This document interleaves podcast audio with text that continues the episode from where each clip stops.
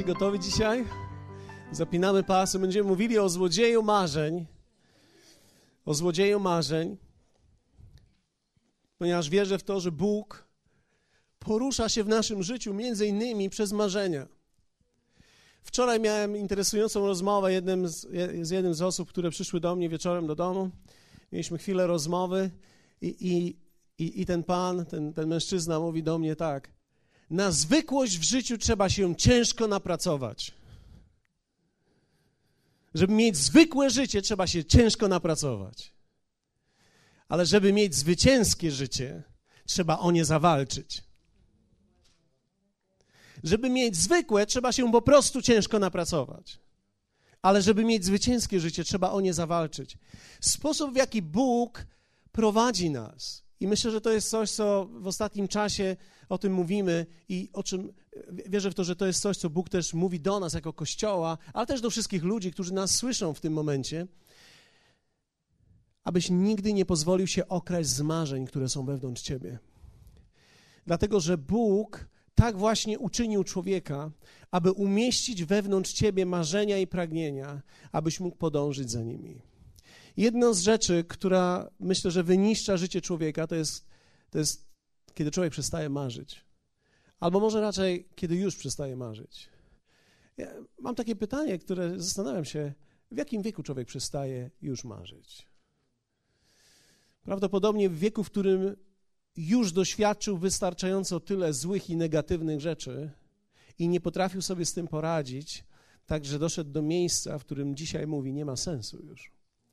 Mam nadzieję, że takie osoby słyszą mnie dzisiaj ponieważ chciałbym Ci powiedzieć, że Bóg chce odnowić Twoje marzenia.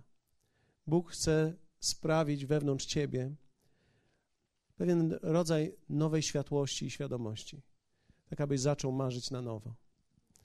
W Ewangelii Jana w dziesiątym rozdziale Jezus mówi o szatanie, o diable. Mówi takie słowa. Złodziej przychodzi tylko po to, by kraść, zarzynać i wytracać. Ja przyszedłem, aby miały życie i obfitowały. Oczywiście on mówi o złodzieju, nie tym, który mieszka w Koszalinie, w Trójkącie Bermudzkim, ale mówi, mówi o złodzieju, który jest duchowy. Mówi o realnej osobie, która przychodzi do naszego życia i nie zabiera nam tych marzeń i tych pragnień tak po prostu z naszego serca. On robi wszystko w okolicznościach naszego życia, aby przytłoczyć to. Wiecie, im dłużej patrzę na to, w jaki sposób żyjemy i jak ludzie żyją, widzę, jak wiele złych i negatywnych okoliczności ma miejsce w życiu ludzi. Nieudane małżeństwa, rozbite domy. I tak naprawdę jest to coraz częstszy, coraz częstszy widok dzisiaj w naszym społeczeństwie. Myśleliśmy, że uda nam się uciec przed tym, ale domów tak zwanych normalnych jest coraz mniej, co powoduje, że w pewien sposób produkujemy społeczeństwo, które będzie poranione. Będą dzieci, które będą odczuwały wszystko z wyjątkiem miłości. Bardzo często. Wierzę w to, że w tym słowie złodziej przychodzi, widzimy takie światło. On przychodzi, co mówi nam, że nie jest z nami przez cały czas. Nawet w zeszłym tygodniu mówiliśmy o tym, że kiedy jesteś zniechęcony, to już powinieneś być zachęcony. Dlatego, że dowodem na to, że zniechęcenie może być zachęcające, jest to, że człowiek się zniechęca tylko dlatego, że wcześniej musiał być zachęcony. Czyli musiał mieć w sobie pewne pragnienia i marzenia, więc kiedy jesteś zniechęcony, to powinieneś być zachęcony, bo to znaczy, że coś ci zostało zabrane, zachęta została ci zabrana, pragnienie zostało z ciebie wyciągnięte i to już powinna być jakaś malutka, malutka rzecz, której możesz się chwycić. Skoro czuję się zniechęcony, to znaczy, że mogę być zachęcony. To znaczy, że mogę pójść jednak w stronę moich pragnień. To znaczy, że są rzeczy, we mnie, o których marzę. On przychodzi, ponieważ jest przyciągany. Przyciągasz go swoim bogactwem. Wiedzieliśmy również, że apostoł Paweł mówił do kościoła w Koryncie, aby nas szatan nie podszedł, jego zamysły są nam dobrze znane. Powiedzmy razem, dobrze znane. Ja mówiłem to w zeszłym tygodniu, ale powtórzę to. My żyjemy dzisiaj w kraju, gdzie wiele mówi się czasami na temat Boga, ale niewiele mówi się na temat diabła. Mamy ludzi, którzy wierzą w Boga, ale nie wierzą w diabła, co jest absolutnie sprzeczne ze sobą. Ale trzeba dwa razy pomyśleć, nie raz. Można powiedzieć, że ktoś, kto pomyśli dwa razy na ten sam temat, będzie geniuszem w swojej rodzinie. Pomyśl, gdybyś tylko pomyślał jeszcze raz, jeśli istnieje Bóg, to oznacza, że istnieje również diabeł. To oznacza, że on również przychodzi do nas jako osoba, tak jak Bóg też jest osobą. I on przychodzi nie bezpośrednio do naszego wnętrza, ale on przychodzi poprzez różnego rodzaju okoliczności życia, czasami przez otwartą furtkę w naszym życiu, po to, aby wyniszczyć nasze życie okolicznościami, aby nas zdołować i ściągnąć nas całkowicie w dół w naszych pragnieniach i w naszych pozytywnych motywacjach. I myślę, że jedną z tych rzeczy, o której dzisiaj chciałbym mówić, w jaki sposób on chce to zrobić, mówiliśmy o nieprzebaczeniu, tak? Mówiliśmy o zniechęceniu. I dzisiaj chciałbym parę słów powiedzieć na temat samoponiżenia. Samoponiżenie jest fenomenalnym złodziejem marzeń. To koncepcja siebie, która prześladuje wszystkich ludzi, a bardzo często ludzi wierzących. Samoponiżenie. Powiedzmy razem samoponiżenie. Zdefiniujmy to, dlatego że często mieszamy to z pokorą. W chrześcijaństwie często mówi się o pokorze, więc koncepcja pokory jest taka: jestem nikim, jestem słaby, nic nie mogę, powinienem być ostatni, powinienem być na końcu, powinienem zawsze, zawsze być na końcu, zawsze być na końcu, zawsze być słabym. To jest moja koncepcja życia, tak? Wiecie, ja nie wierzę w to, że prawdziwa pokora to jest mina. Niektórzy ludzie myślą, że, że kiedy kaznodzieja się uśmiecha, to nie jest pokorny. Albo kiedy mówi to z przekonaniem, to też nie jest pokorny, ponieważ nauczyliśmy się, że pokora to jest pewna mina. Szczególnie w naszym kraju to jest mina. Ludzie wyglądają na pokornych, ale pokora to nie mina, pokora to jest postawa. Ja, ja, ja miałem okazję, wiecie, byłem ministrantem, miałem okazję wiele popatrzeć na ludzi z innej strony. Oczywiście no, modliłem się, ale wiecie jak to jest. W każdej modlitwie jest trochę czasu, żeby na ludzi popatrzeć. Każdy z was, to jest, to jest pierwszy raz tutaj, gwarantuję wam, że mieliście tyle okazji, żeby popatrzeć na ludzi. Większość z nas nie śpiewa nawet piosenek, tylko patrzymy, jak się ludzie zachowują. I to jest w porządku. Każdy musi popatrzeć, co to za dziwaki wokół niego siedzą. Prawda jest jednak taka, że to nie są dziwaki, to są ludzie, którzy są odnowieni, którzy mają życie z Bogiem, którzy przeżywają Boga i są spontaniczni, którzy są prawdopodobnie drugi, trzeci raz. Ty nie wiesz o tym, ty myślisz, że to są ludzie, którzy tu zawsze przychodzą, ale oni są już drugi, trzeci raz, poznali dwie piosenki i już klaszczą. Pokora to nie jest mina. Pokora to nie jest wybór najgorszego, najsłabszego. Pokora to nie jest, gdy dwóch, trzech przyjaciół siada wokół pizzy, to proszę bardzo, to wy sobie zjedźcie. A ty? A co zostanie, to wezmę. To nie, to nie jest pokora. Pokora to nie jest, gdzie chciałbyś usiąść, a ja gdziekolwiek sobie przycupnę. To nie jest pokora. Pokora to jest postawa serca. Samo poniżenie jest modą w chrześcijaństwie tak zwanym, a ja nazwę to chrześcijaństwie. Tak? Chrześcijaństwie to jest moda, samo poniżenie.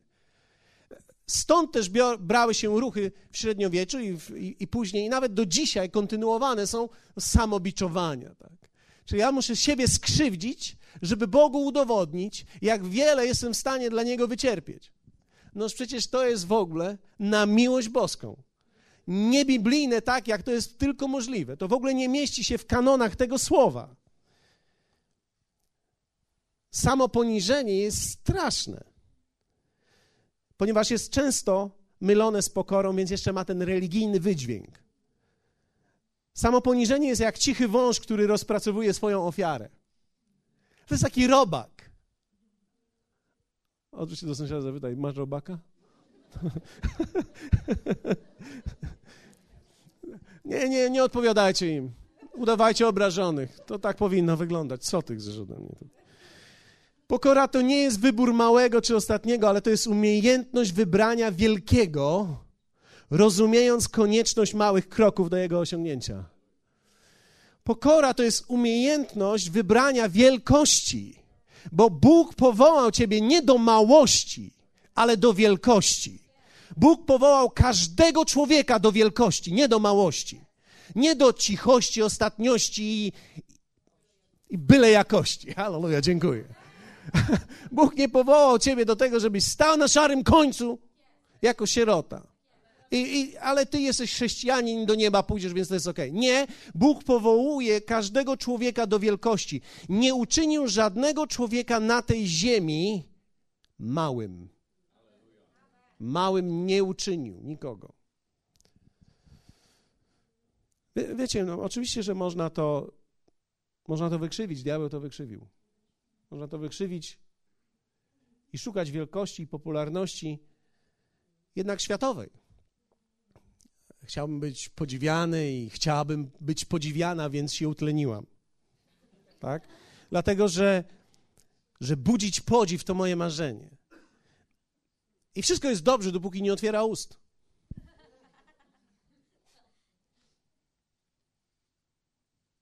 Budzi podziw. Wzrokiem się ciągnie, dopóki nie powie czegoś.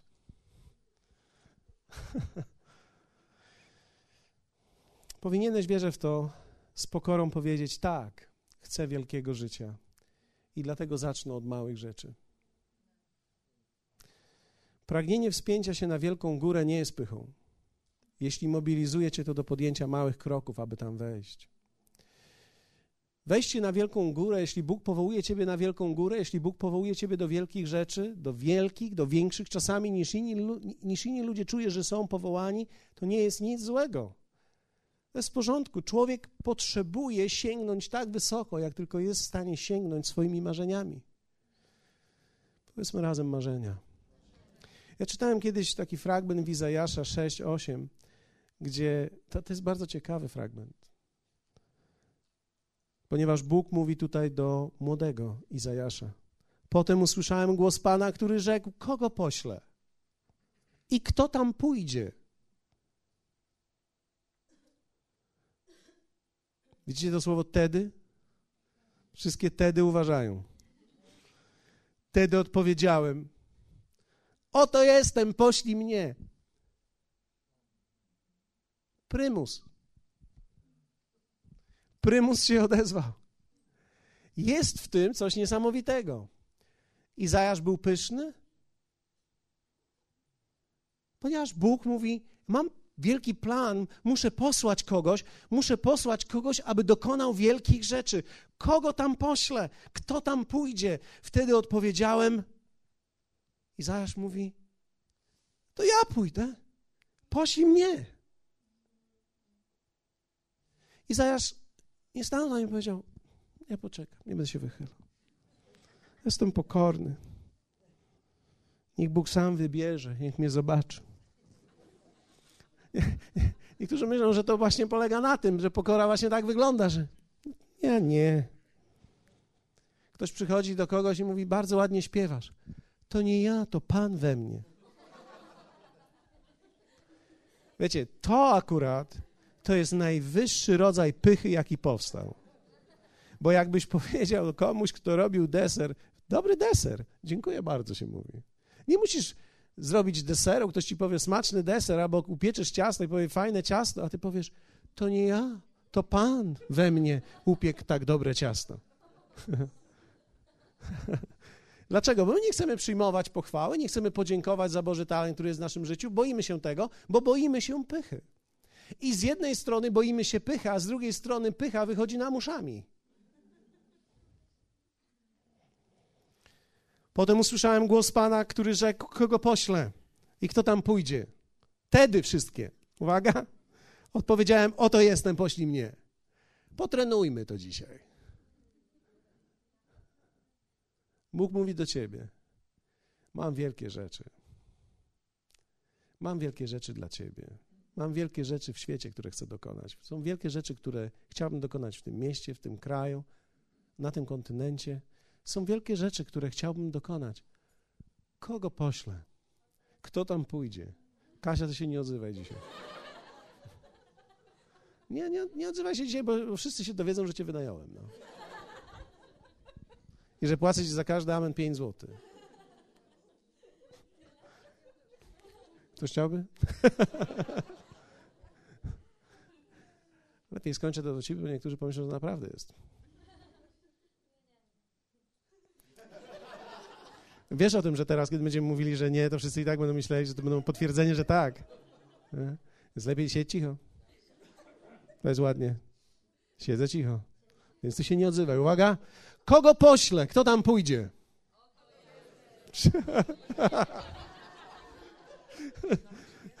Niech nam wyświetlą.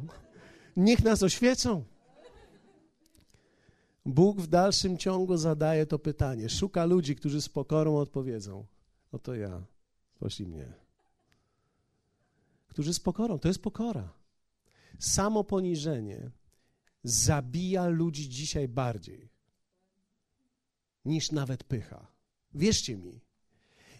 Szczerze powiem wam, ja się tak bardzo pychy nie boję, jak pychy ukrytej w ludziach,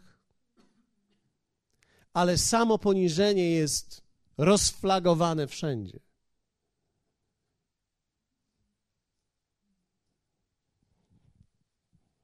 Dobrze wyglądasz dzisiaj.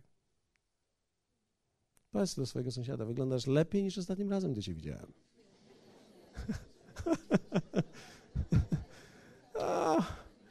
no i co? A, a ty co odpowiadasz? Hmm. Nie, niektórzy nie wiedzą, co mają powiedzieć. Hmm.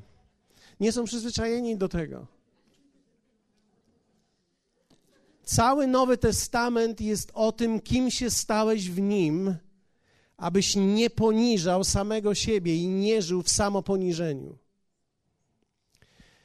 Jest bardzo wielu ludzi, którzy marzą o rzeczach, szczególnie wierzących chrześcijan, którzy mówią, ma, chcę, ale nie wiem, czy Bóg to ma dla mnie. No jak myślisz, to po co dawałby ci te pragnienia? Po co dawałby ci te marzenia? Gdyby nie miał dla ciebie wielkości, po co, po co dawałby ci pragnienie, abyś szedł w wielkość, abyś podążał za czymś wspaniałym? Dlaczego, dlaczego masz się napracować i być zwykłym, skoro można zawalczyć, aby być wyjątkowym? Trzeba się ciężko narobić, aby mieć zwykłe życie. Trzeba zawalczyć o nie, aby mieć wyjątkowe. Liście do Kolosan w drugim rozdziale jest kilka wersetów, które mówią o pewnej fałszywej religijności, która powstaje w wielu sercach ludzi. I apostoł Paweł mówi tak: Niechże was wtedy, wtedy wszystkie, uwaga, niechże was wtedy nikt nie sądzi z powodu pokarmu i napoju, albo z powodu święta lub nowiu, księżyca bądź sabatu. Wszystko to są tylko cienie rzeczy przyszłych. Rzeczywistością natomiast jest Chrystus. I teraz niech was nikt nie potępia, kto ma upodobanie w poniżaniu samego siebie. Czyli okazuje się, że w chrześcijaństwie nieumiejętne widzenie pokory doprowadza ludzi do poniżenia samego siebie. I teraz, to co jest najgorsze, to człowiek, który żyje w samoponiżeniu, będzie potępiał i będzie zabijał innych ludzi. Samo poniżenie nie tylko zabije ciebie, samo poniżenie zabije ludzi, którzy są blisko ciebie. Nic gorszego i nie ma nic trudniejszego, co wyniszcza relacje, rodziny, domy, jak ludzie, którzy żyją w samoponiżeniu. Bo samoponiżenie sprawi, że będziesz chciał zabić wszystko i wszystkich, którzy mają jakikolwiek autorytet i którzy w Twoich oczach są trochę wyżej niż Ty. Będziesz pałał tym zabójstwem i nie będziemy ich zabijać fizycznie, ale będziemy ich potępiać. Będziemy ich ściągać w dół. Dlatego czasami zdarza się, że kiedy widzisz w kościele kogoś bardzo pokornego, to najczęściej tą pokorną twarz ma wąż, który się odwraca i co jakiś czas kąsa tych, którzy są wokół, za to, jacy są i czego tam jeszcze wielkiego chcą i jak to bardzo chcą coś osiągnąć, że to nie wolno, trzeba pokornie żyć, czyli nijako, byle jako, słabo, mało. Popatrzmy na fragment tego filmu. Poniżenie samego siebie i samo poniżenie jest niszczące. I nie tylko zabija człowieka, ale zabija ludzi, którzy są wokół niego. Nie wiem, czy zwróciliście uwagę, ale pierwsze pytanie, które zadał, kiedy usłyszał od swojego ojca, że nie będzie cesarzem. Kto nim będzie? Człowiek skoncentrowany na swojej tylko ambicji nigdy nie szukał wielkości, która była jego udziałem tak naprawdę. Nigdy nie uwierzył w to, że rzeczywiście ma te cechy. I tak naprawdę samo poniżenie często rodzi się z odrzucenia.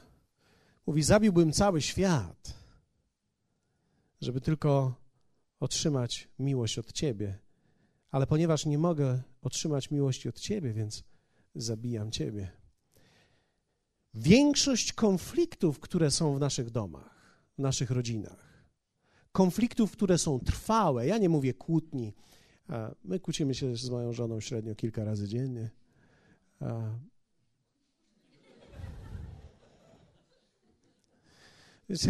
Ja, ja nie mówię o konfliktach, dlatego że konflikt jest czymś normalnym, gdzie jest dwóch ludzi, którzy mają wolę i którzy mają różne pragnienia, konflikt jest naturalną częścią. Ale ciągłe życie w konflikcie, w napięciu, w nerwach, w konsekwencji ciągła udręka, nie rodzi się wcale z merytoryki problemu nie rodzi się w ogóle z tego, co się dzieje. Nie chodzi tak naprawdę o argumenty, chodzi o to, kto jest wyżej, kto jest niżej, kto się czuje niżej, kto się czuje wyżej. Większość ciągle trwających konfliktów, kiedy masz problem z dziećmi, zwróć uwagę, to nie jest problem z tym, co to dziecko mówi, tylko jak ono się czuje w Twojej obecności, kim ono się czuje, że jest kim się staje, kim ty jesteś. Kiedy dziecko denerwuje ciebie, prawdopodobnie nie denerwuje cię tym, co ono chce zrobić, tylko kim cię czyni, gdy to mówi. Więc tak naprawdę mamy ciągłą walkę i udrękę o pozycję dlatego że samo poniżenie jest niszczące, poczucie poniżenia jest niszczące. Człowiek zrobi wszystko, żeby się z tego wydobyć i najczęściej wydobywa się z tego, zabijając wszystko, co jest wokół niego, więc stąd też tak wiele konfliktów jest nierozwiązanych i jest ciągłe życie w udręce, ponieważ ludzie bez Boga nie mogą wyjść z samoponiżenia. W chrześcijaństwie Bóg nie poniża człowieka. W religiach tak ale nie w chrześcijaństwie. W chrześcijaństwie Bóg wywyższył człowieka. Bóg wywyższył człowieka w chrześcijaństwie. Nie poniżył go, wywyższył go. Kimże jest człowiek, że o nim pamiętasz? Dawid w pewnym momencie w tym psalmie był zachwycony pozycją, jaką człowiek zajmuje w oczach i w umyśle i w sercu Bożym. Kimże jest człowiek? Nie kimże jest. Kimże jest, że aż tak wiele mu dałeś? Kimże jest człowiek, że wywyższyłeś go ponad aniołów? Kimże jest człowiek w Twoim mniemaniu, Boże? Dlatego, że kiedy my, kiedy każdy z nas odnajdzie się w Bogu, nie będziemy czuli, że jesteśmy nisko, będziemy czuli, że zostaliśmy wywyższeni do najwyższego punktu, jaki kiedykolwiek możemy osiągnąć. Punktu, jaki żona Twoja ci nie da, dzieci ci nie dadzą, praca ci nie da, majątek ci nie da. Punktu, która jest bycie takim jak On i bycie blisko Niego. Dlatego w jaki sposób pokonać samo poniżenie wewnątrz siebie? Pierwsze, rozpoznaj właściwy obraz siebie. W 2 Koryntian 3,18 czytamy takie słowo. My wszyscy tedy, tedy Pan słuchają, z odsłoniętym obliczem, oglądając jak w zwierciadle chwałę Pana, zostajemy przemienieni w ten sam obraz z chwały w chwałę, jak to sprawia Pan, który jest duchem. Bo wiecie, ten, ten, ten fragment mówi nam, że my odsłaniamy nasze oblicze i oglądamy, zobaczcie, jak w zwierciadle, jak w lustrze chwałę Pana. Co to oznacza? To oznacza, że Bóg przyprowadza nas do siebie, ściąga jakby z lustra kotarę i pozwala nam ujrzeć siebie przez Jego lustro. To jest lustro Boże. Kiedy czytam to słowo, czytam o sobie, jaki jestem naprawdę. Twoja mama, twój tato, twój brat, twoja siostra, twoi przyjaciele, twoi znajomi mają opinię o tobie. Ale Bóg ma również opinię i ta Jego opinia jest kluczowa. Jakim On widzi Ciebie jest najważniejsze. Nie jak cały świat widzi Ciebie, ale jak On patrzy na Ciebie. I apostoł Paweł mówi, że my przychodzimy z odsłoniętym obliczem i oglądamy w zwierciadle. I co tu jest napisane? Oglądamy chwałę Pana. Inaczej mówiąc, patrząc na to, jacy my jesteśmy w Jego słowie, widzimy chwałę Bożą. Jak wielki jest Bóg patrząc na siebie. Religia, kiedy patrzy na człowieka, mówi: nędzny jest człowiek, puchmarny. Nędza, nędza, śmierć, nędza. Nędza, życie kiepskie, słabe, byle jakie. Jesteś nikim, malutkim pyłem na wietrze, prochem. Cytujemy: Z prochu powstałeś, w proch się obrócisz. Problem jest tylko taki, że nikt nam nie powiedział, że ten proch, z którego powstałem, to nie był prawdziwy ja do końca. Dlatego, że Bóg nie uczynił nas tylko prochem, ale uczynił nas swoim duchem, dając nam zadatek swojego ducha, uczynił nas nie tylko ciałem, ale uczynił nas również ciałem odnowionym i ma dla nas ciało odnowione i ma dla nas ducha, którym tak naprawdę też jesteśmy. Więc nie jesteśmy tylko prochem, który się zamieniamy po śmierci, ale istniejemy jako rzeczywistość duchowa i jesteśmy nią naprawdę.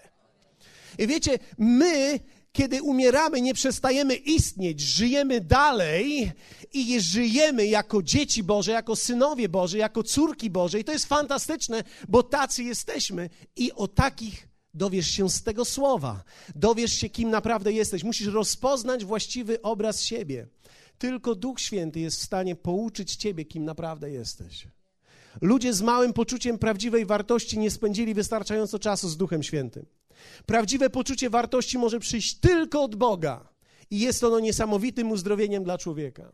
Dlatego, że człowiek może być porzucony. Może ktoś przyszedł tutaj i e, rodzice ciebie nie chcieli. Mówili ci przez całe życie, że byłeś przypadkiem. Może byłeś przypadkiem dla nich, ale nie byłeś przypadkiem dla Boga. I ponieważ nie byłeś przypadkiem dla Boga, w Bogu odnajdujesz prawdziwą wartość, kim się stałeś, kim jesteś. Wiecie, to jest uzdrowienie dla nas. Dlatego, że człowiek nie musi, wiecie, Człowiek nie musi mieć wiele, człowiek nie musi stać się karierze kimś wielkim. Wystarczy, że przychodzi do Boga. Bóg od razu czyni ciebie swoim dzieckiem, swoim synem, swoją córką. To jest najwyższy poziom, jaki człowiek może trafić.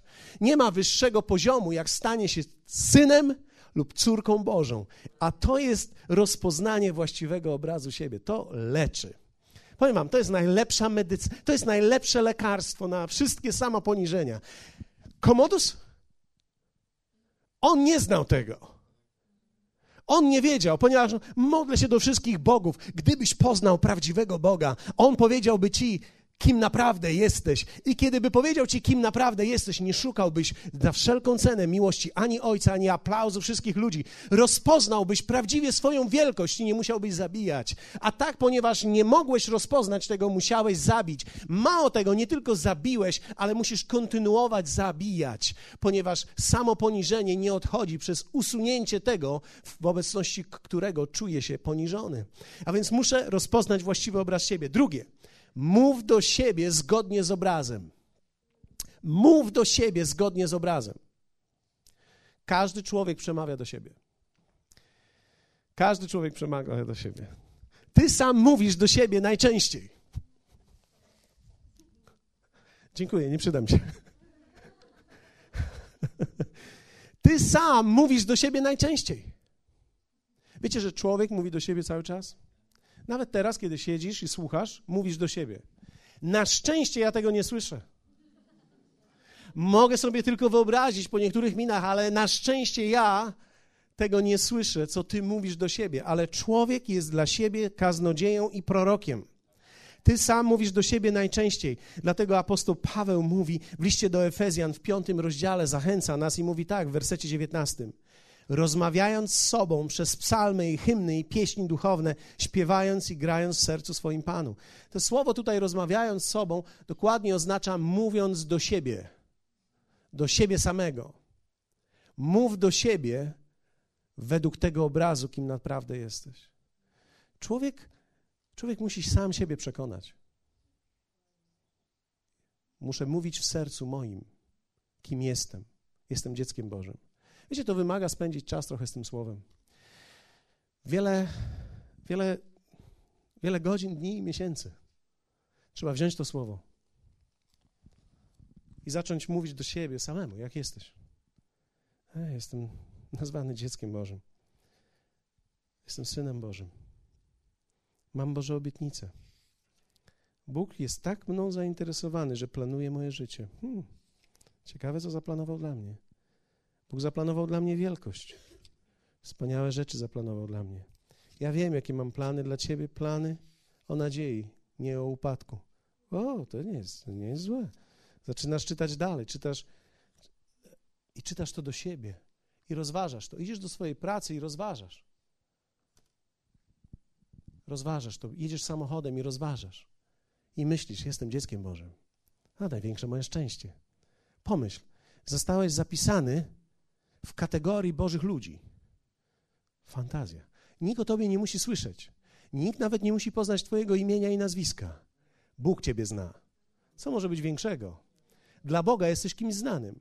Niektórzy z nas, którzy są dzisiaj tu pierwszy raz, myślą, ja się ukryję. Oczywiście, że możesz się ukryć, ale nie ukryjesz się przed Bogiem. Bóg cię zna dokładnie. Bóg wie, ile włosów straciłeś lub straciłaś dzisiaj, biorąc prysznic. Bóg przeliczył je jeszcze raz. On zna liczbę twoich włosów. On dokładnie wie wszystko o tobie. O czym myślisz teraz? To jest genialne. I On ciebie nie potępia, On ciebie wywyższa. On ciebie bierze do swojej kategorii. Człowiek wierzy, gdy często słyszy, a nie ma częst, częstszych słów jak ty sam. Dlatego każdy człowiek jest najważniejszym prorokiem dla siebie. Powiedzmy to słowo razem. Będę prorokował do siebie. Pewnym sensie nie musiałeś tego mówić, bo i tak to robisz. Ale chciałbym, żebyś zaczął mówić i prorokować do siebie prawidłowo. Wielkość czeka na mnie. Bóg ma dla mnie wielkie rzeczy. Bóg ma dla mnie wspaniałe rzeczy. Nie po to, żeby budować chorą ambicję, ale po to, żeby sięgnąć tego, co On naprawdę włożył w ciebie. Bóg ma dla ciebie wielkie, wspaniałe rzeczy. Bóg nie skończył z tobą, gdy ty skończyłeś 40 lat. Bóg nie skończył z tobą, gdy skończyłaś 30. Bóg niczego nigdy nie kończy, dopóki się nie wypełnia. Więc ty też nie kończ, ale sięgnij po to. Mów do siebie zgodnie z obrazem. Wiecie, że wielu z nas jest dziećmi bożymi, a mówimy do siebie w dół? Oj, znowu mi się nie udało. Co to znaczy znowu mi się nie udało? To znaczy, że co? Że zawsze ci się nie udaje i po prostu nigdy ci się nie uda i, i taka jest twoja koncepcja siebie, znowu mi się nie udało. Inaczej mówiąc, mam rację o sobie, jestem słaby, nie umiem. Nie mów, znowu mi się nie udało. Nie udało mi się kolejny raz. Ale to oznacza, że mi się uda. Jeszcze raz spróbuję. Dlaczego? Ponieważ człowiek może być wywyższony przez Boga, a poniżony przez siebie. Jeśli ty sam siebie poniżysz, to nie ma znaczenia, jak Bóg ciebie wywyższy, będziesz żył poniżonym życiem. Dlatego, że dopóki nie zaczniesz myśleć i mówić o sobie tak, jak Bóg mówi o tobie, nie możesz żyć tym i nie możesz żyć tą realnością, którą On dla ciebie przygotował. Zastanawiam się, jakie słowa ty sam słyszysz o sobie najczęściej? Zwątpienia? Ciekawe, co mi znowu wpadnie do głowy. Zwątpienia? O, mam tyle różnych wątpliwości. Ciekawe, co będzie w moim życiu. Jakie ty słowa mówisz do siebie, jest bardzo ważne. Człowiek musi zacząć mówić do siebie zgodnie z obrazem, który jest tutaj. Uwaga, ostatnie. Planuj zgodnie z obrazem.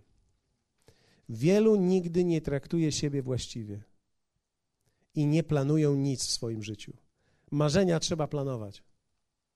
To, co masz w sercu, wymaga prawidłowego prowadzenia i właściwych kroków, a planowanie jest działaniem. Czy wiecie, że wielkość też trzeba zaplanować?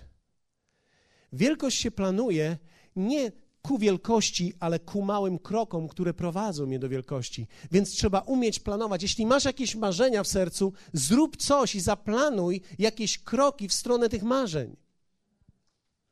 Wiecie, to mogą być proste rzeczy. Takie jak chciałbym schudnąć 5 kilo. Zaplanuj to. Nie myśl, że to któregoś dnia przyjdzie.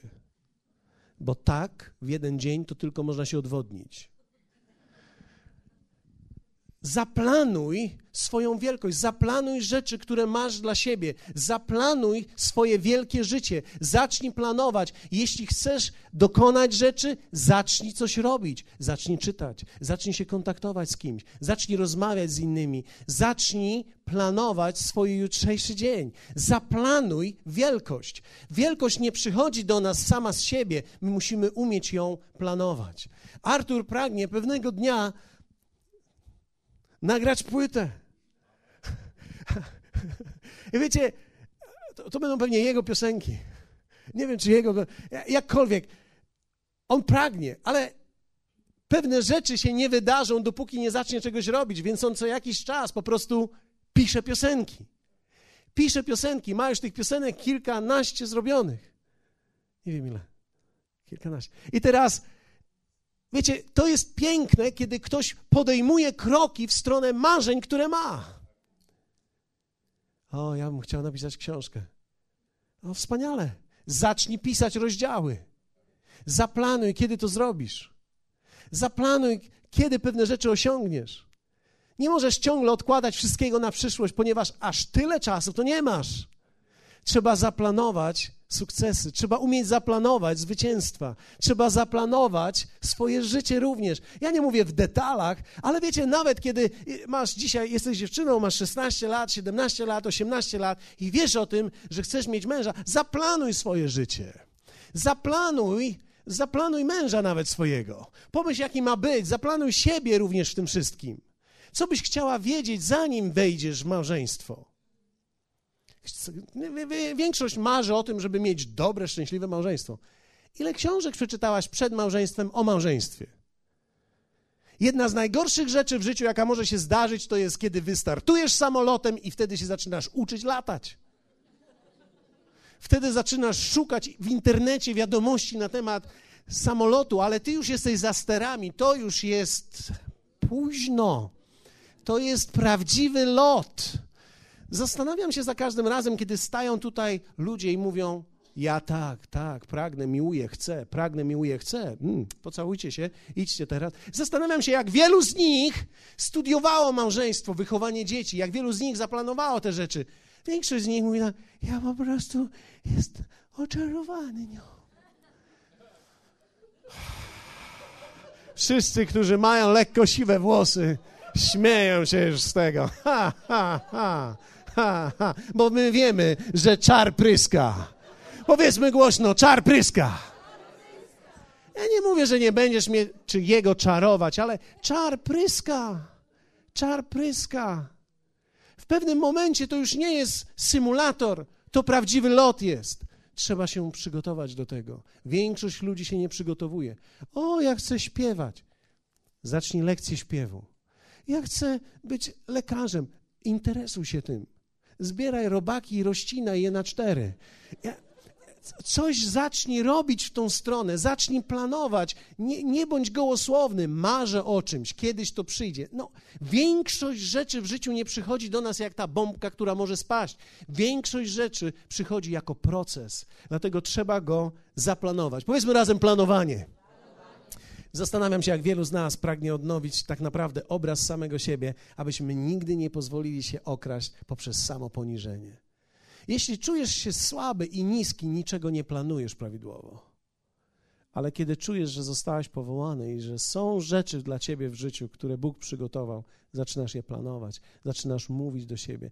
I, i wiecie, pierwszy z punktów uzdrowienia z samoponiżenia będzie taki: będziesz widział o wiele mniej konfliktów w swoim domu porównaniu do tego, co było. A wierzcie mi, Nikt tak nie walczy jak rodzina. Nie ma takich walk jak w rodzinie. Jak chcecie zobaczyć, jak się naprawdę walczy, nie patrzcie, jak sąsiedzi walczą, patrzcie, jak rodzina walczy. Rodzina uczy nas walki, ponieważ w rodzinie często samo poniżenie jest wyniszczeniem dla wielu ludzi. Jak wielu z Was dzisiaj chce być wolnym od tego? Postańmy razem. Jak wielu pragnie zatrzymać samo poniżenie w swoim życiu? Zastanawiam się. Ja wiem, że niektórzy z Was mówią, no przyszedłem dzisiaj tutaj na spotkanie przez przypadek. Trafiłem, bo ktoś mnie wziął. Ale ja nie wierzę w to, że każdy, kto tutaj jest, jest przez jakiś zwykły tylko przypadek. Jak wielu z Was pragnie zatrzymać samo poniżenie w swoim życiu? Wierzę w to, że dzisiaj Duch Święty jest obecny tutaj. Teraz posłuchajcie, oto jest wielka prawda. Chciałbym ją powiedzieć na stojąco. Większość ludzi będzie Ciebie traktować tak, jak Ty sam siebie traktujesz.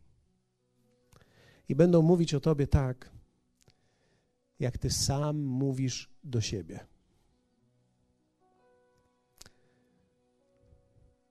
Będzie Ci zawsze blisko do ludzi, którzy myślą o Tobie tak, jak Ty myślisz o sobie. Ale może być Ci blisko do ludzi, którzy myślą o Tobie i mówią o Tobie, tak jak Ty byś chciał, aby myśleli i mówili o Tobie. Jak wewnątrz siebie. Ten głos jest istotny. Wiecie, wierzę w to, że to jest też moment, w którym możemy powiedzieć: Ja nie chcę czuć się samo poniżony, nie chcę czuć się słaby i nisko. Chciałbym zadać pytania. Wiem, proszę Was, abyście na moment zamknęli swoje oczy. Nie chcę nikogo z Was zawstydzać, ale chciałbym zadać pytanie. Kto z Was pragnie dzisiaj od Boga otrzymać tą prawdziwą wartość, którą tylko On może nadać? Jeśli tak, podnieś swoją dłoń na chwilę. Okay. Dziękuję. Dziękuję. Tylko Bóg może nadać człowiekowi prawdziwą wartość. Jeśli szukasz tej wartości w czymkolwiek innym, nie otrzymasz jej. Ale jeśli weźmiesz ją od Niego,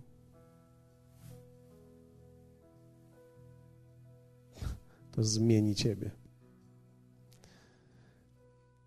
Jeśli podniosłeś swoją rękę, nie chcę zawstydzać Ciebie, ale chcę rzucić Ci wyzwanie ku odwadze. Chciałbym, żebyś stanął tutaj przy mnie. Teraz. Jeśli ktoś z Was zmaga się z tym odczuciem samoponiżenia, masz wewnętrzne walki, czasami myśli. Wiecie, to nie jest wstyd.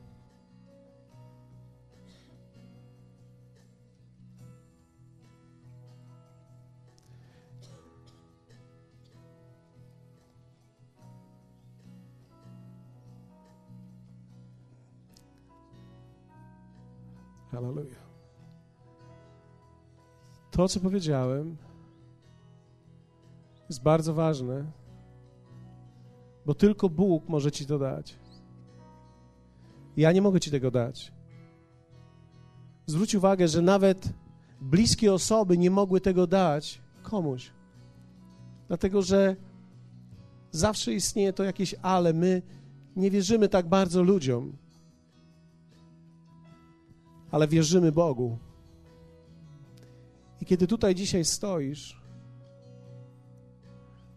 chciałbym, żeby każdy z nas, kto tutaj jest, powiedział: Panie, stańcie przed nim teraz. Zamknijcie na chwilę swoje oczy. Ja nie, nie, wiecie, to nie jest żadna magia, po prostu chciałbym, żebyście się skupili tylko. Powiedz mu po cichu, w swoim sercu, ale też ustami. Powiedz, Panie, Proszę Ciebie, odnów moją wartość. Proszę Ciebie, naucz mnie, kim naprawdę jestem. Spraw, abym nie dał, nie dała się okraść. z tej prawdziwej wielkości, do której mnie powołałeś. Przez ciągłe złe myślenie o sobie samym. Dzisiejszego dnia odsuwam to od siebie, odsuwam te negatywne myśli o sobie, te myśli, które mnie poniżały przed samym sobą. Odsuwam te słowa innych ludzi poniżające względem mnie. I chcę Tobie powiedzieć, że dzisiaj przyjmuję Twoje słowo, że jestem tutaj, bo Ty tak chciałeś. I przychodzę do Ciebie jako Twoje dziecko. Ty nazywasz mnie swoją córką i swoim synem. I to jest najwyższy poziom, jaki kiedykolwiek osiągnę to jest być i należeć do Twojej rodziny i być na Twoim poziomie. Ojcze, proszę Ciebie, otocz mnie murem ochronnym w moim sercu, abym właściwie słyszał i słyszała słowa o sobie od innych. abym nie musiał, nie musiała ciągle podejrzewać ich o złe intencje. A nawet kiedy będę słyszeć słowa krytyki, prawdziwe lub nie, to one nie zachwieją mojej pozycji, nie zachwieją mojej prawdziwej wartości, bo należę do Ciebie. A tego nic nie zmieni. Ty zapłaciłeś cenę za mnie. I ja mogłem przyjść do Ciebie. I należę do Ciebie.